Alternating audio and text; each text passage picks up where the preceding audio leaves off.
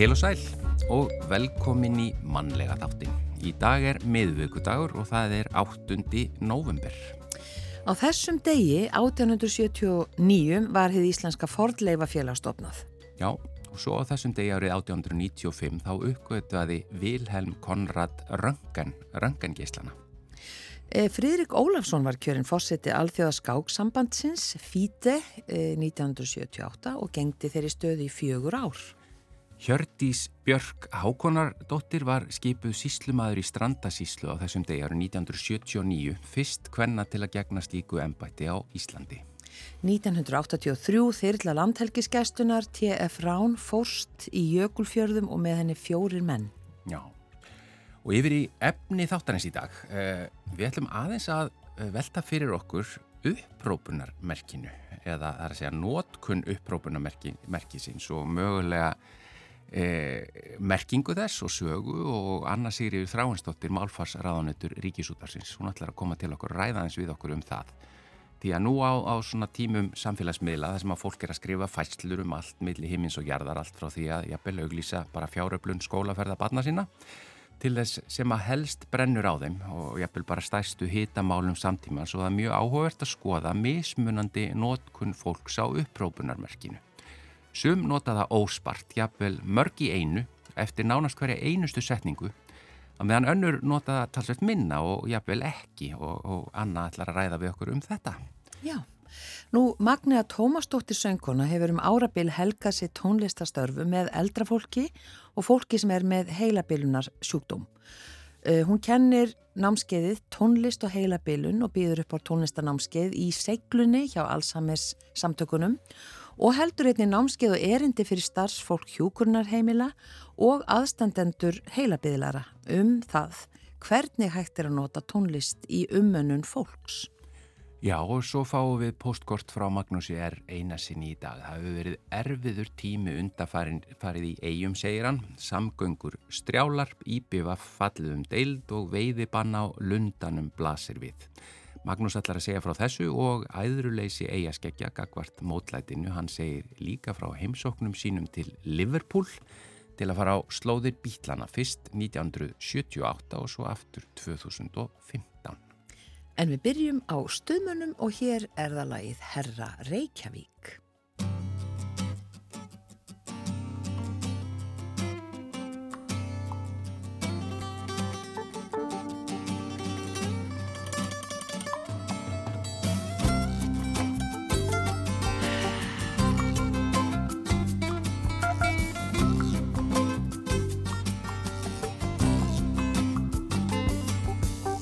Mikið eftir fínum jakka, voða eftir flottum buksum, rosa eftir fínum skóm.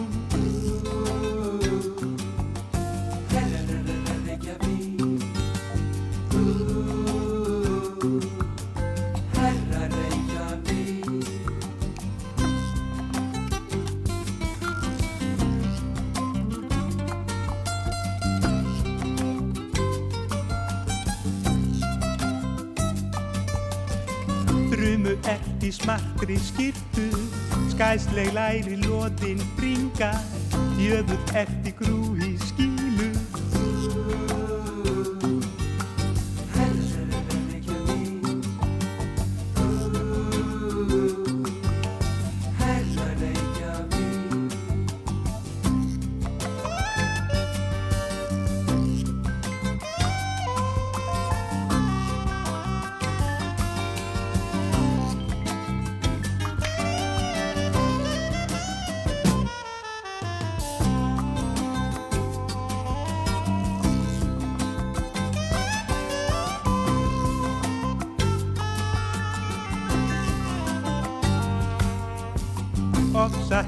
stóra bölva, rockingoll og dimmblá augu, æðislegur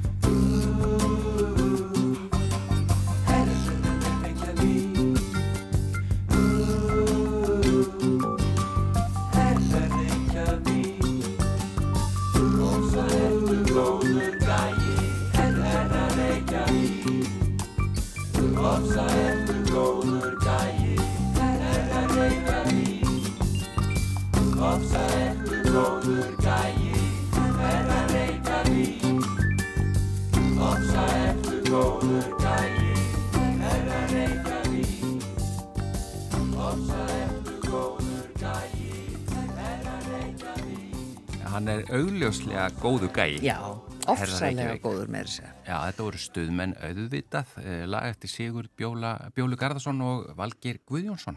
Já, og við ætlum að tala um uh, söng og tónlist einmitt.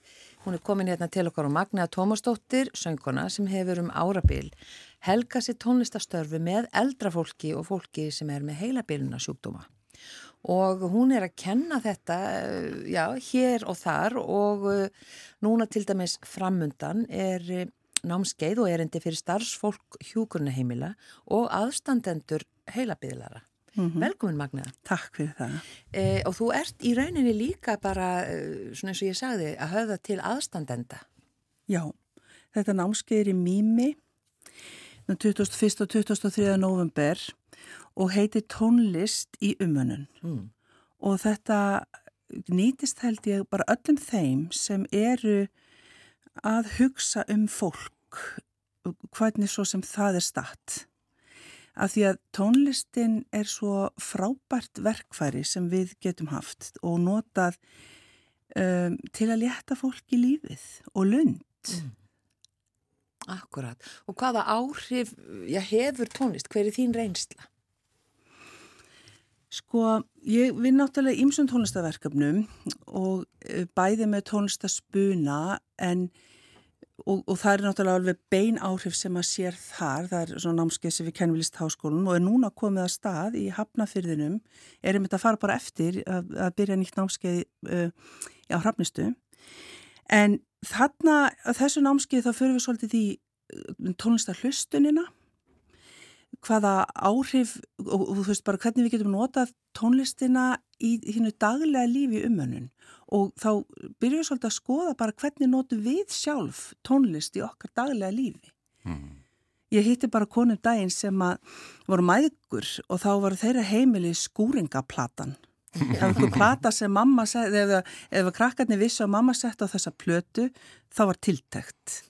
Og svo finnur mamman ekki plötuna og hún grunar börnunum hafa komið fyrir kattanef, þannig að þetta er svolítið fyndið saga, en við notum tónlist þegar við förum út að hlaupa eða lappa eða skúra eða gera hvað sem er og þá hljótu við að geta notað tónlistina líka eins og, eins og fyrir fólk með heilabili sjúkdóma sem kannski er býr heima eða er koma hjúkurna heimili þá er hægt að nota hana mjög markvist til þess að leta fólk í lífið. Mm. Og þá meina ég, sko ég veit á öllum hjúkunarheimilum er mjög mikið tónlist og það vita þetta allir. Og allir sem er unnið við umönnum, þeir vita það að tónlistin getur gert kraftaverk og breytt deginum. En við þurfum að fara svolítið að nota hana meira markvist, að það sé alveg hægt, alveg eins og að fá ykkur að pillu klukkan tvö, ef þú hlustar á spilnalistaðin klukkan tvö, að þá hérna er kannski auðveldara fyrir þig að fara í bað eða þú hefur betri list eða eitthvað svoleiðis. Ja. Það er það sem við erum svolítið svona að skoða og, og stefna að og, og, bara be- benda fólki á. Mm. Skiptir máli að spila tónlist sem það þekkir Já. e, úr sínu lífi eða bara Já. einhverja tónlist? Nei, það er nefnilega, sko, eins og ef þú ert með fólk á hjúkurna heimili, kannski segjum bara, þú veist, deilt, tíu manns. Hver er líkandar því að öllum líki sama tónlistin? Og það er stundum bara skellt ekkur á fónin. Jú, við getum náttúrulega, ef við erum með fólk ákveðum aldri, þá vitum við svona nokkurt veginn að, að fólk fílaði, kannski ef ég kem inn á hjúkurna heimili og það er fólk millir 80-90 ára, þá er ég nokkuð seif að spila Elli Vilhjáms eða Raka Bjarna Mm. En, en hérna þessi svona sín, ég heyri stundum fólki sem segir svona guðmur góður ég, þetta er hryllings að vera bara sett harmoniku tónlist ef ég fyrir hjúkurna heimil fólk hefur eitthvað sín á það að það sé bara alltaf að að spila harmoniku tónlist á hjúkurna heimil Já. en það er nú bara bílarnir og og allt mögulegt stóns og svona. Er, en, en það sem er svo mikilvægt er eins og mörg okkar eigum svona playlist eða spilnarlist í símanum okkar og þeir eru mjög persónleir og þess vegna er mjög mikilvægt að búa til persónlega spilnarlista fyrir fólk sem það tengist sjálft. Mm. og þegar maður er með fólk sem er með heilabilun það verður svolítið svona fer svolítið inn í þóku heilabilunarinnar og þú finnur svolítið kjarnani sjálfur í gegnum tónlistina. Og þess vegna er mjög mikilvægt að, að búa til spilnarlista fyrir fólk og, og það hafi þann möguleika að hlusta á sína tónlist Já. Og er það ættingjar sem ættu að gera það svona í samráði við viðkomandi eða Já, það er náttúrulega er ef það er hægt? Það er náttúrulega, sko, við ættum öll að búa til okkar spilnarlista að með við höfum heilsu til og eiga þá til og við getum átt eitthvað sem að hendar okkur á modni og eitthvað sem hendar okkur á kvöldi og svo bara eitthvað tíman, skiljiði. En ef að við eigum það ekki, að þá kemur fjölskyldan eh, til og aðstandendur og þetta hefur, ég hef stýrt svona verkefni í sunnuhlýð og ég hef líka aðstofa fjölskyldur við að gera svona og, og koma þeim að stað þetta er svolítið skemmtilega rannsókn að vinna kynnslóða því að sko barnabönnin eru tækni fólkið og, og geta komist að ímsu um af og ömmu þú veist, það skiptir máli ertu, ef þú ert að gera svona fyrir manneskri á Vestmannum þá er mjög mikil tón sem tengist Vestmannum Já. eða var ykkur í MA á, hérna, í mentaskóla á Akureyri og það er kannski tónlist sem tengist tí sem að fjölskyldan hefur ekki hugmyndum en tengist þessum úlingsárum sem að uh, mót okkur svo tónlistarlega. Þannig að þetta getur verið svolítið skemmtilegt verkefni eh, sem sagt fjölskyldu en svo þegar fólk er komið eins og inn á hjókunarheimili þá þarf starfsfólkið að taka við að hjálpa við græjunar. Af Því þær geta verið snúnar og þær geta verið flóknar. Akkurat. Og hvernig svona, hvað hefur þú séð í þessari vinnu? Bara kraftaverkin gerast eða fólk? Já, ég, ég til dæmis, hérna, þegar ég var að stýra svona verkefni sunnuhlið, þá fekk ég símtal frá einum afastrák sem var náttúrulega bara kall og hann sagði hérna, ég var að lesa um verkefnið þitt og nú er komið tími til að afi heyri sinn uh, verdi og vagnir. Því þá bara uppgötta hann afasopn og hjókurnaheimili eitt ár og hann hafði bara aldrei heyrt þessa tónlist. En hann var alltaf að hlusta á hana þegar hann var heima. Þannig að fjölskyldan getur farið að rifja upp hvað, hvað hefur viðkomandi verið að hlusta Já. á og já, Já, og stundum er það þannig að ég hef líka eitt fólk sem segir það svo skrítið með hana mömmu, hún bara er hægt að hlusta tónlist. Hún hlusta svo mikið, hún bara setur aldrei töflöt á fónin. Ok, en það er ekki endilega því hún hefur mist áhuga á tónlistin sinni, það er út af því að hún ræður ekki við græðunar. mm, Og þess vegna kannski fylgja græðunar ekki á hjókurnaheimilið. Skiljiði. Já. Þannig að, þannig að, og svo með þennan mann þarna í, í sunnuhlýð, hann var árisull og, og, og fekk að vakna alltaf snemma. Svo komið inn í hans skema, hann vaknaði, fekk sér morgumat og var aðeins frammi, fór svo hann í herbyggi og fekk þá starfsfólk sem kveikti á hans músik. Og hann eirði við það bara mjög lengi og leið mjög vel. Það er auðvitað magna hvað eh, tónlist hefur auðvitað bara tilfinning, við höfum tilfinningatengsl við hana. Já. og maður getur farið aftur í tíman Já. bara við að heyra eitthvað lag. Já, og það er líka magna því að við höfum auðvitað séð á netinu alls konar uh, myndbönda af fólki sem að er einmitt eins og þú sagðir kannski komið inn í þóku heila byllunar og svo bara lifnar yfir þeim þegar þau heyra eitthvað lag. Og það er meiri segja sko í námskeiðin okkar þar sem við vinnum með tónlistaspuna þá hefum við alveg séð það að fólk með mjög veikan heila það getur lært nýja melódi. Það er dásamlegt að vera vitna því. Já. Við komum með svona einföld stef og gerum þau aftur og aftur í einsinni viku, í átta vikur og fólk kann það. Þessi músikalskir kunna það í lokin. Og það er alveg dásamlegt. En það er, sko tónlistin er á svo mörgum stöðum í heilanum og hún virkar svo margt. Þú veist, við erum með takt, við erum með laglínu, við erum með hljóma og þannig að þetta er svo mörgum stöðum. Þess vegna, þess vegna getum við náð svona lengi til hennar. Og, Akkurat. og jafnvel fólk sem man ekki mikið en man síðan allt í hennu bara heilu lögin og textana og allt Já, jafnvel. en, það er, en, en svo líka snýst þetta, já, akkurat, fólk sem að kannski getur lítið talað, en getur sungið texta, en svo getur líka verið, þú þarft ekki endilega að kunna alltaf textan ef þú manst Nei. tilfinninguna Já, sem að þú fylgir því. En það er sama skapið, þú veist, ég hræðist fátt meira en að, að vera sett í aðstöð og hlusta okkur um ömulega tónlist sem mér finnst, skiljiði, svo mikilvægt að þetta sé það sem manni líkar. Já, akkurát. Þess vegna á að gera þetta persónulegt. Já. Já, fyrir hvern og einn. Já. En svo er hérna, maður til með fyrst ég nú hér að segja eitthvað frá frábæri verkefni sem að er Erasmus verkefni sem listaháskólinn, fjölbjörnskóli Breitholtz og Físmús, félag músikmaðurfræðingar og aðilarað og það heitir DADOM, Daily Dose of Music. Svona, ég veit ekki hvernig maður þýði það, daglegu skamtur og tónlist. Ra ráðlagur dagskamtur. Já, eitthvað svolítið, ráður emitt. Og það er verkefni sem er stýst frá Hollandi og við erum þáttakandur í og fólk frá Litán líka og þar er verið að kenna sjúkraliðanemum og sem sagt í þá FB núna um hvernig þú getur nýtt tónlist í störfum þínum. Þannig að þetta er svona á mörgum sviðum er að, að gerast núna. Já. Og bara á spítulunum þá? Á spítulunum og hjúkurnaheimilum, já. Og þetta eru fyrsta ásnemar sem fá það verkefni, sem fyrsta verknámi Eh, sem sagt að gera spilunarlista, aðtöfa með umhverfis hljóð og svona þannig að og svo þetta vondi bara til að breyðast út í allar deildir sem að kenna sjúkraliðum á Íslandi Akkurát. frábært verkefni Mjög aðteglisvert mm -hmm. og uh, við bara minnum á að lokum þetta námskeið sem er hjá, er það ekki Mými? Já, hjá Mými, 21. og 23. november 1 til 4, þetta eru 6 klukkutímar Já, og fyrir eh, já, fólk sem er Eh, í umununastörfum og, og svo líka aðstandendur Já. sem vilja. Já, og Já. þetta náttúrulega á viðum alla sem er að, þú veist, ekki bara fólk með heilabílum, það er líka aldraða eða fólk með einhvers konar áskoranir í lífinu. Mm, akkurat. Kæra mm. þakki fyrir komina í manlega þáttin. Verður góð, takk fyrir mig. Magnea Tómasdóttir. Já, takk. Og þegar þú komst inn í líf mitt breytist ég, þú komst, þú komst við hjartaðinu.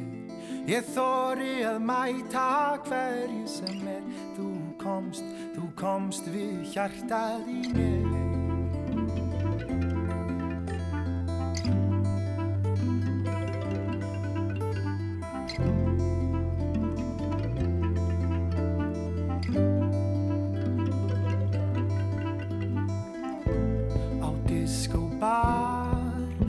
Ég dansaði frá cirka tól sjö.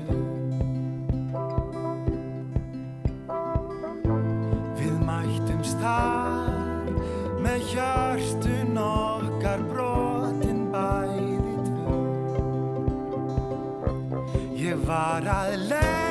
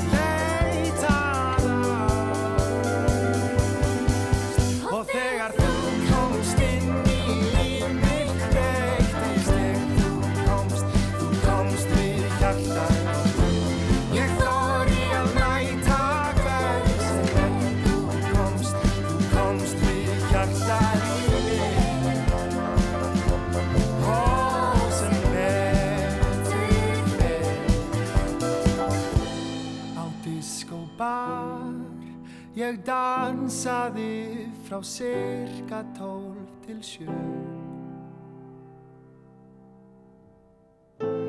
Við mættumst þar með hjörtun okkar brotin bæði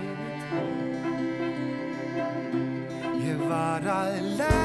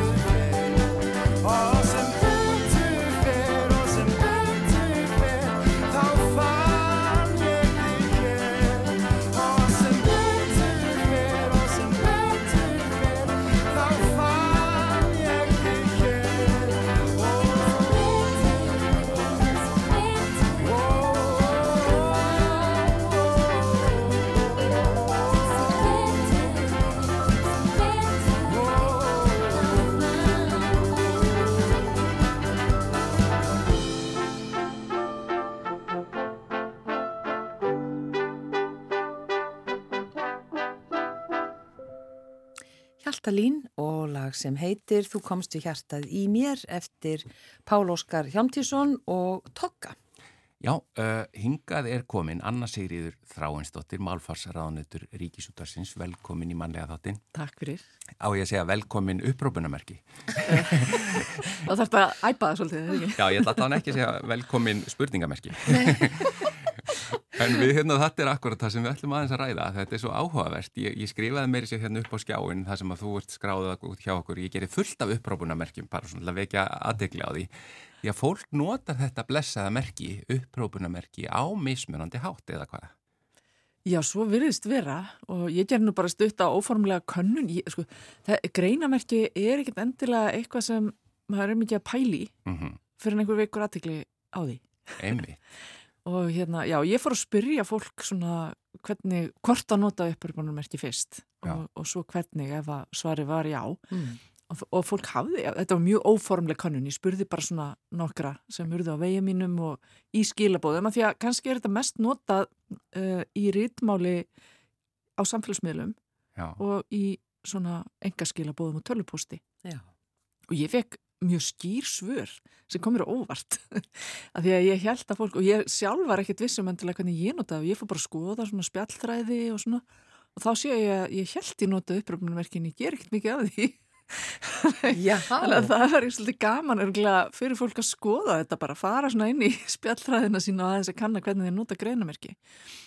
En, en já, en svo uppgötaði ég að mér finnst ég nefnilega hafa verið að nota svolítið mikið uppröfnumerki undanförnu og ég myndi allt í hennu við hvaða aðstæður gerir það. Og það, ég gerir það þegar, uh, þegar það er, hérna, ég er áskangur til hamingjum með eitthvað, eitthvað þess að það. Já. Til hamingjum með svoninn eða Amalið. ammalið eða brúköpið eða giftinguna eða hvaðina og í staði fyrir að vera að setja eitthvað endalega hjörtu og bróskalla og, og svona hitt og þetta þá verðist ég að vera að fara að setja upprópunamerki allt í hennu Og svo er þetta sko að nota upprópunamerki og svo eru mjög margir og þegar við ábyggilega sé það í- eins og á samfélagsbyrjum sem að nota þau alveg ótæpilega, er bara að nota mörg í einu Já, og jafnvel eftir hverja einustu setningu. einmitt. Bara í grunninn sko, upprópunamerki er einhver skilgreining á því bara út frá uh, málfars, uh, út frá málfræðinni bara hvernig ætti að nota það eða hvað. Sko þetta er náttúrulega, þetta er bara greinamerki sem við notum í rítmáli Já, en þegar að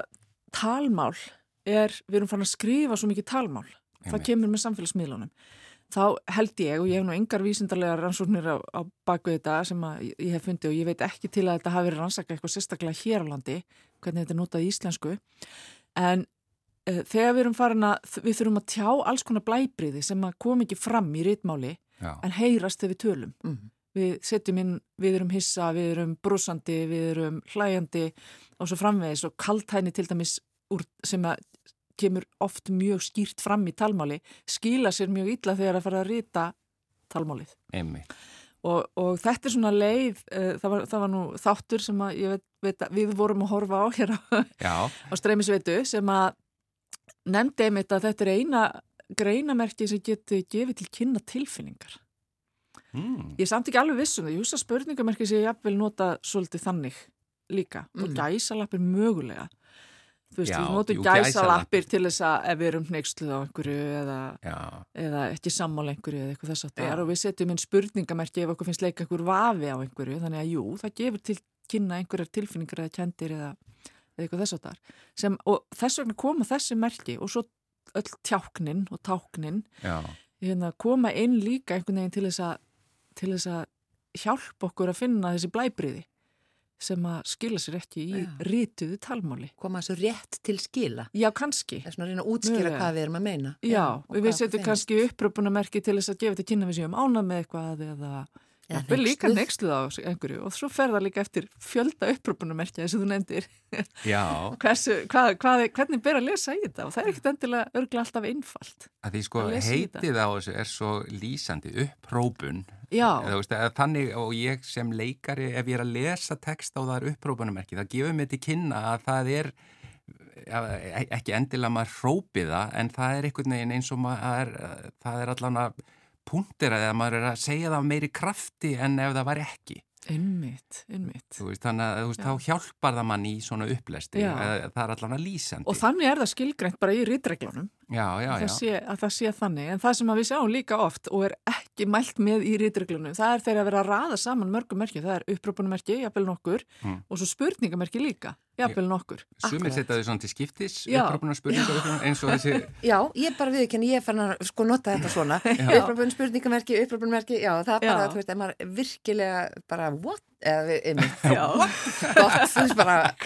Í alvöru, Já. já, eitthvað svo leiðis. Já, og það er svo skemmtilegt að í rítreglunum þá er tekið sérstaklega fram að, að spurning sem er líka upprópun, þá á, er mælt með að nota upprópunamerki fremur en spurningamerki já, og svo er líka tekið sérstaklega fram að það er ekki mælt með því að nota saman upprópunamerki og spurningamerki. Þá er maður ekki að nota saman Já. Æstur, já. Já, þetta er svona, en, en við verðum alltaf að hafa það í huga að rítreglunar eiga við um rítmál. Já. En þessi merki sem að við erum að nota, sko, og það sem, að ég, það sem fólk sagði þegar ég fór að spyrja, var um þetta, ég, ég noti þetta í óformlegu samtali við vini og fjölskyldu og, og svo framvegis. já, Og eitt sagði mér að segja, já, ég hef nú tekið eftir því að börnunum mínum finnst punktur svo frekjulegur að ég er nota það frekar upprópunumerkja því að það er vinalegra. Hæ?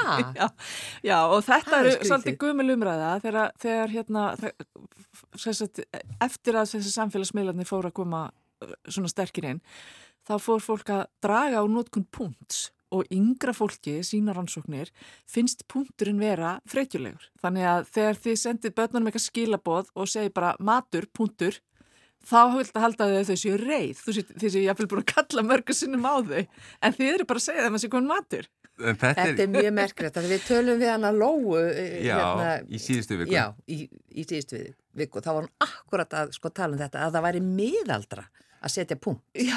þegar þú ert að tala eh, til dæmis á Messenger. En við erum eins og bara, þessi miðaldra erum bara að fylgja hérna, rítreglunum. Rítraglunum, já. En við ætlum kannski fre, frekar að hlusta á unga fólki. Já, já, og- en svo megum við líka ekki gleyma því að það er bara munur á rítmál og talmáli og, og einhverju svona skilabóðum eða tölposti eða einhverju svona óformlegu spjalli, þá getum við leift okkur allt mögulegt, en svo, svo gerum við það ekki í formlegra máli. já. Við, við setjum ekki, drítum ekki inn uppröpunamerkjum og spurningamerkjum og gæsalöpum og einhverju í formlegan tölpost til dæmis. Já, allan að minna og ég, ég, ég leif mér efast um að það hefur verið notað jafn mikið þegar fólk var bara hreinlega að skrifa bref. Já, ekki, Hérna. ekki nema sem bara svona sæll uppröpunumerki Já. eða eitthvað. Svona sem hinnar raunverulegu uppröpunar en kannski tölum við bara svona mikið í uppröpunum, ég veit það ekki. Ég held líka að við erum að berjast um aðtikla því það eru sko svo, eins og á Facebook sem dæmi það var svo mikið að, að bara dopi af fæslum og eh, fólk er að reyna að ná í gegn með einhvað hjartansmáli eða hvað það er sko. En þessi þáttur sem þú talaður um að því við horfum á sama þáttin sem að var eh, hérna bara á Netflix eh, Og heitir bara uppröpunumerki. Ég heitir Já. hann er að hluti af þáttaru sem heitir Explained, það sem hefur verið að fara yfir svona alls konar mál og þá er talað um að það sé líka munur á bara hreinlega notkun kynjana á upprópunamerki. Er það eitthvað sem að þú hefur rekiði á eða séð eða... Ég hef ekki tekið eftir því beint og þetta- þetta kom mér að hluta til á óvart en einhvern veginn samt ekki. Uh, ég, ég get nú samt ekki alveg útskýrt af hverju ekki. en svona þeir sem ég spurði, voru nú, eins og segi, þetta var mjög lítið úrtak. Þeir, eh, að þar að voru tveir kallmenn sem að voru svona meira, voru svona sammála um þessa nótkun. Þeir noti þetta svona uh, þegar af því að ef að fólk finnst, fólki finnst punkturinn eitthvað frekjulegur sko. Og þá bara í óformlegu spjalli og kannski þeir vilja ná eitthvað svona sérstaklega, einn, annar þeirra hefur til dæmis verið, og reyndar báðir verið, dugleg, verið virkir á, á hérna, samfélagsmiðlum svona um tíma og nota þá kannski svona, svona sparlega. Já, Eru mjög meðvitaðir um það hvernig þeir nota upprópunumerkið. En konurnar voru svona meira í að drita því hinga og þanga. Þessar fá konur segi talaði við, sem voru þrjára eða fjórar.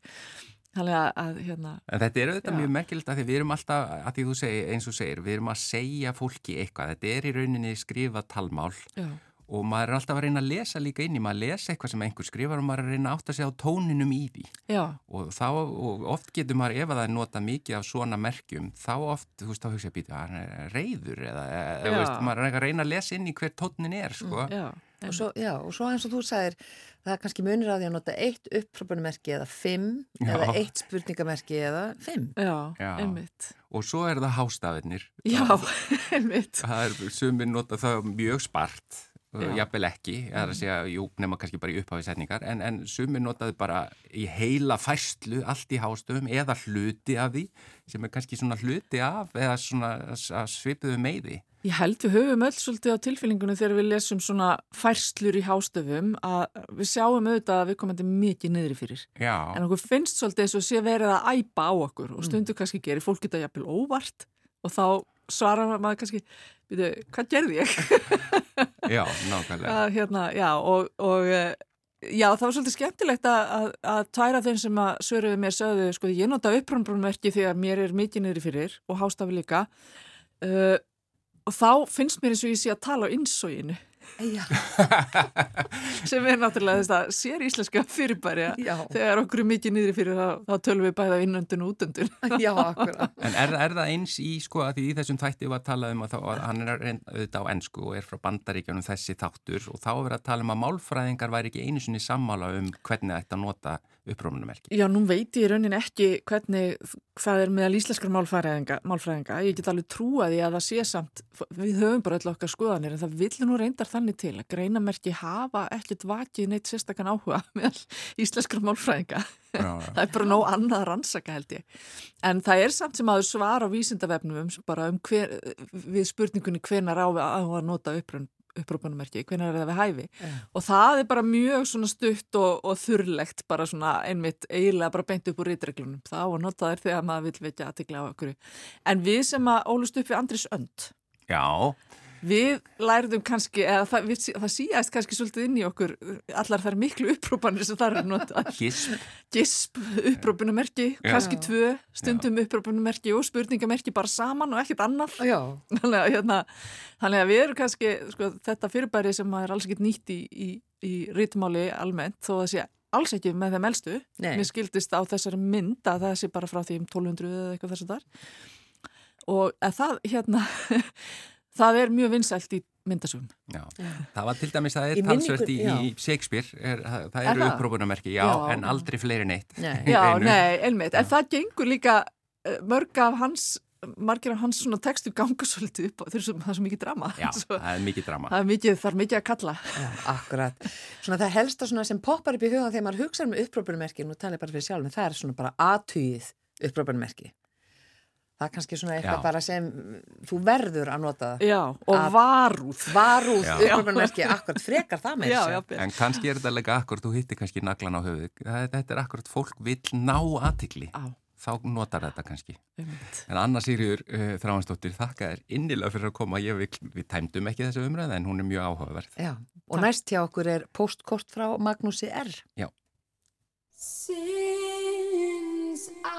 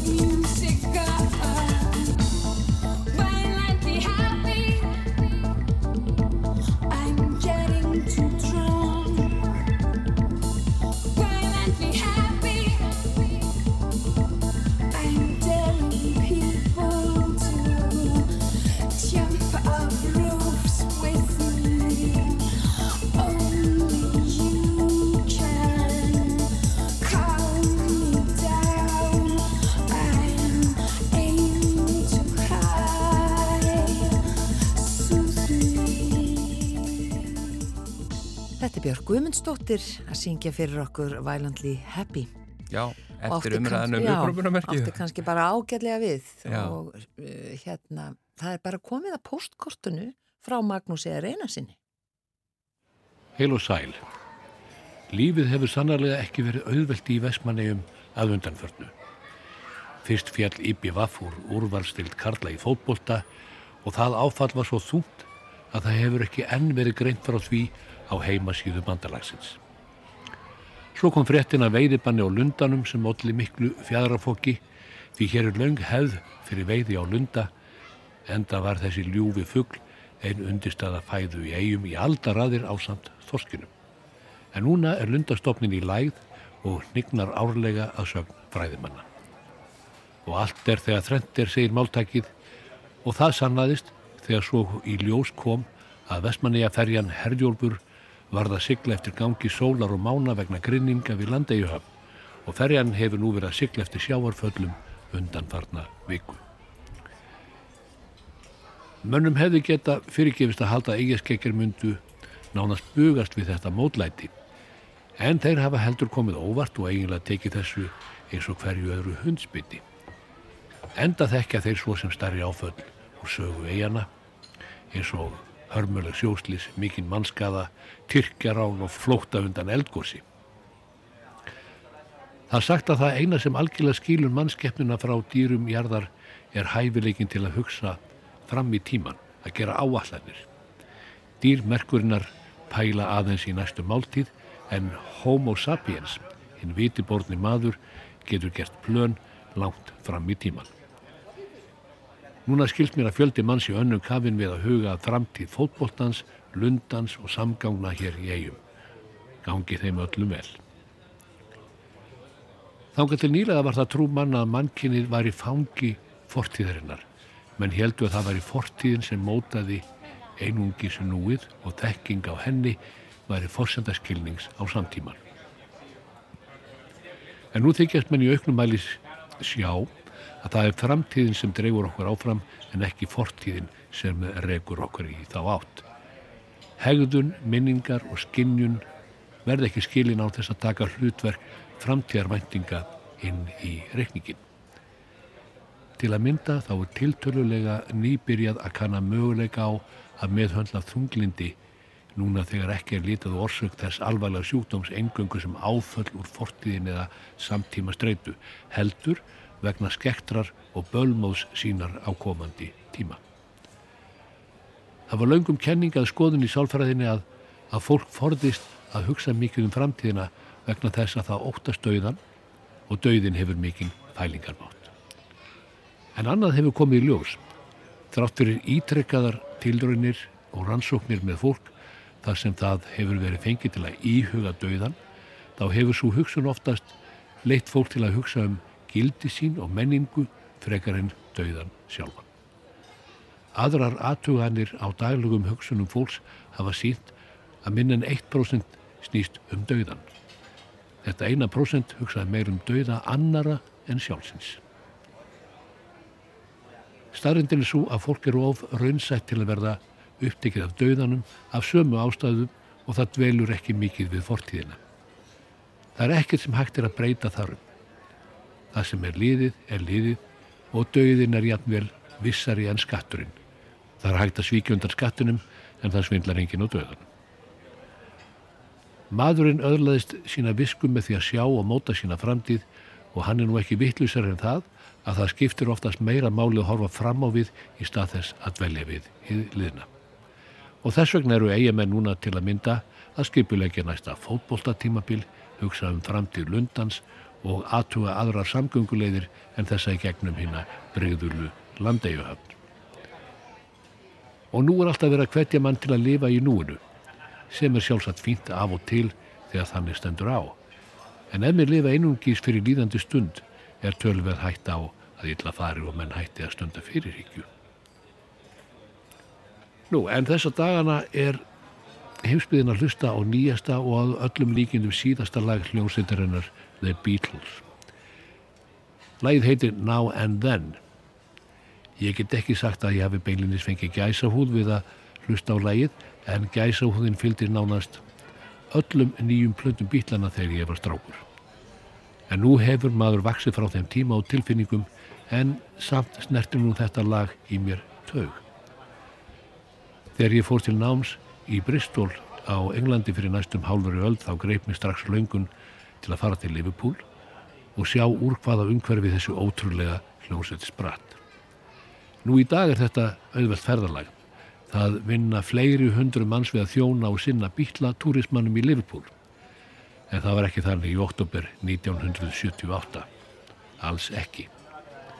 Ég fór með rútu sem var ódýrasti ferðarmátinn en líka seinfarnasti ökumátinn. Ferðarlegi tók að mig minnir um það bíl 7 klukkutíma en vegalengdin millir þessara borgar cirka 300 kilometrar. Það var lagt að stað klukkan 8 að modni og stoppað á nokkrum stöðum og ég hafði keift gödukort af Liverpool og var búin að merkja þá staði sem ég vildi heimsækja inn á kortið og þegar rútan stoppaði loks við umferðarmiðstöðin í Liverpool þá mætti þungur þefur af sóti og salti og allskins mengun og ég sá að borgin var í mikilli nýðunýslu. Miðborgin var grá og mannskapurinn einhvern veginn ólökkulegur og grár á svipin og niðurdregin. Það tók mér dágóða stund að finna út leiðina til Menlove Avenue þar sem John Lennon átti heima sem úlingur eftir að mér hafi mistekist að finna kafinklúpin en það hefði svo sem enginn geta fundið þar hvort þið er því þá hafði verið mokað vonjan og fyrir ofan var rörlegt bílastæði. Það kom í ljós að heimili Lennons var langt frá því að vera í gungufæri frá miðbænum og þess vegna var því að taka strætó og eftir rúmlega hálftíma ferðalag fann ég loks Menlov Avenue og hús nr. 251. Húsið var starra og reysulegra en ég hafði ímyndað mér en það er það ekki hverfi verkalýsins. Og þarna stóði ég næstum hálf tíma fyrir utan æsku heimili Lennons í rigningarúða og kulda á samt japansku pari sem var þarna í samskonar pílagrímaferð. Við raugluðum part úr All You Need Is Love og föðmöðumst og saman fórum við svo að leitað heimili Paul McCartney en fundu það ekki. Það var aðeins farið að rökva og regningin ágerðist þannig við flúðum inn á pub. Japanirnir töluðu lítið í ennsku en eftir tvo pænta af volkum og flötum bjór þá komst ég að því að þau höfðu sparað fyrir ferðin í þrjú ár og höfðu efni á að vera í viku í Englandi. Við vissu ekkert um Ísland og ég held að ég var frá Írlandi og ég reyndi ekki eins og leðrita það. Liverpool var ekki aðlandi, lítlaus og grá eins og ég sagði. Hús og byggingar í niðurnýslu, borgin var óhrein og tölvast um sóðaskap. Atunileysi hrjáði greinilega borgarbúa og augljósta borgin hafði lífað betri tíma. Ég fann ódýra gistingu í eina nótt í daburlegu hóteli niður við höfn en konan sem rak það var gladleg og saðist hafa þekkt sýstur George Harrison og verið í sama skóla og hún. Þarna í vetrabyrjun 1978 var nákvæmlega ekkert í Liverpool sem myndi á The Beatles. Engin skildi, engar stittur eða minnismerki um þessa frægustu sinni borgarinnar. Það er allt breytt nú. Ég fór aðra ferð til Liverpool fyrir 8 árum og þá hafði nú heldur betur orðin breyting á livrarpollinum til batnaðar. Í það skipti fór maður í rútu með leðsugumanni sem þekkti hvern krók og kema á öllum bílaslóðum og þá var búið að reysa stittur af fjórmenningunum, koma fyrir skiltum við alla byggingar þar sem þeir höfðu hugsanlega rekið í nefið. Gríðarlega flott bílasafnið við Mörsifljótið var og er heimsóknarinnar virði. Og þá var búið að koma upp nýjum kafrinklubbi neðajarðar og þar spiluðu bíla hermi hljónsveitir alla daga og öll kvöld. Og borgin hafði heldur betur fengið andlislifting og þarna voru glæsilega byggingar bæði nýjar og gamlar. En best af öllu var að komast á tónleika með Paul McCartney þarna á heimavellinum í flottum konsertsal Echo Arena 28. mæ árið 2015. Ég kann helling en þá að bílalögum og textum frá því gamla daga og auðvitað þykir manni vænt um þessa músík sem mótaði æskuna og unglings árin. Og þess vegna snertir nýtt lag frá hljómsveitinni Taug í manni þótt gæsahúðin sem fylgdi lögunum í gamla daga byrtist æg sjálfnar og þá laungu farin yfir á annars konar músík. Bestu kveðjur og góða stundir.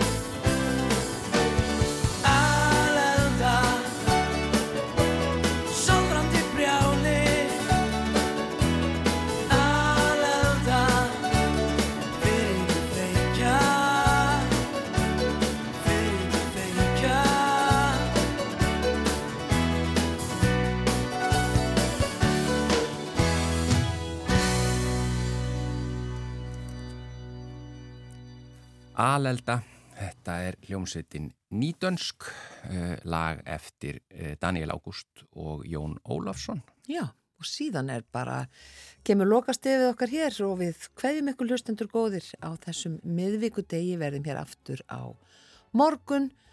Uh, við bara minnum á uppástand og þetta helst. Já, sem að vera hér bara eftir þáttinn. Við þökkum innlega fyrir samfélgin í dag. Verðið sæl.